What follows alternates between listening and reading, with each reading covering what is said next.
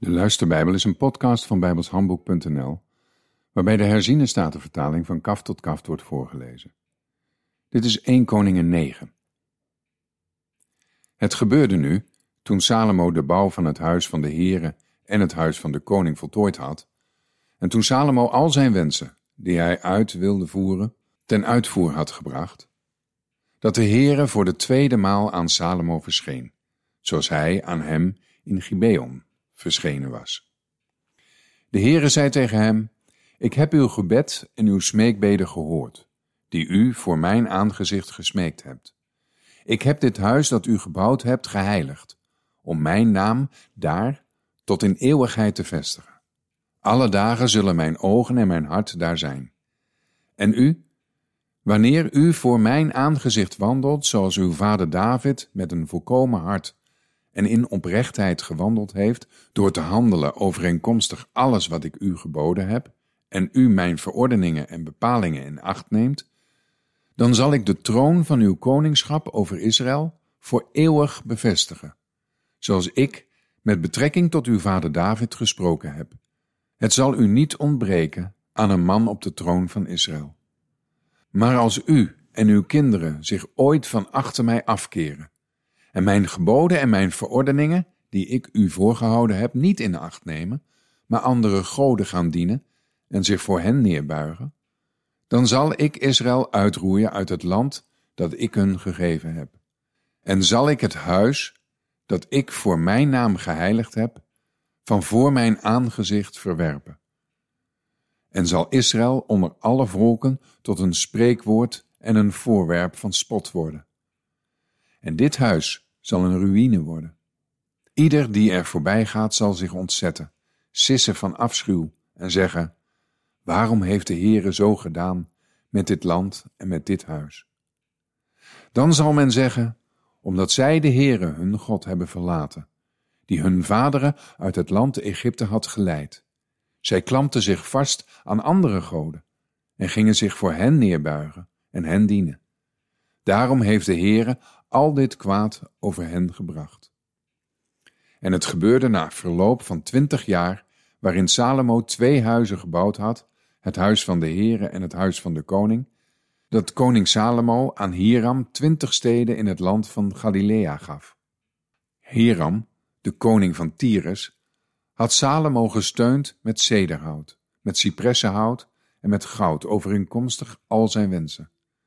En Hiram vertrok uit Tyrus om de steden te bekijken die Salomo hem had gegeven. Maar ze waren niet goed in zijn ogen.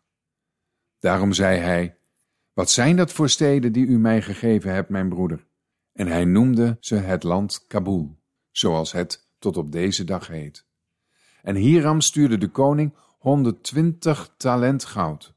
Dit nu is de kwestie van de lichting voor de herendienst die koning Salomo liet opkomen om het huis van de Heere, zijn eigen huis, de Milo, de muur van Jeruzalem, Hazor, Megiddo en Gezer te bouwen.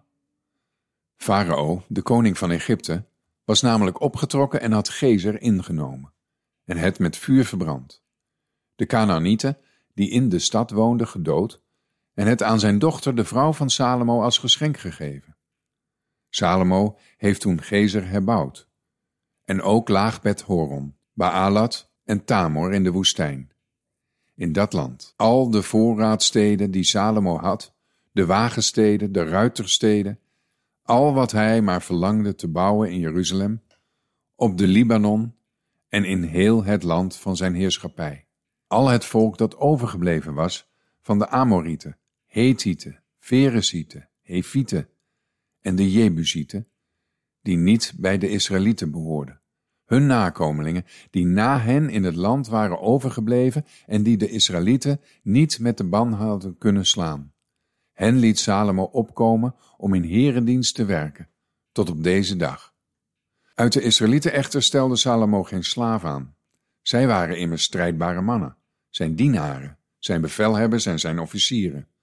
De bevelhebbers over zijn wagens en over zijn ruiters.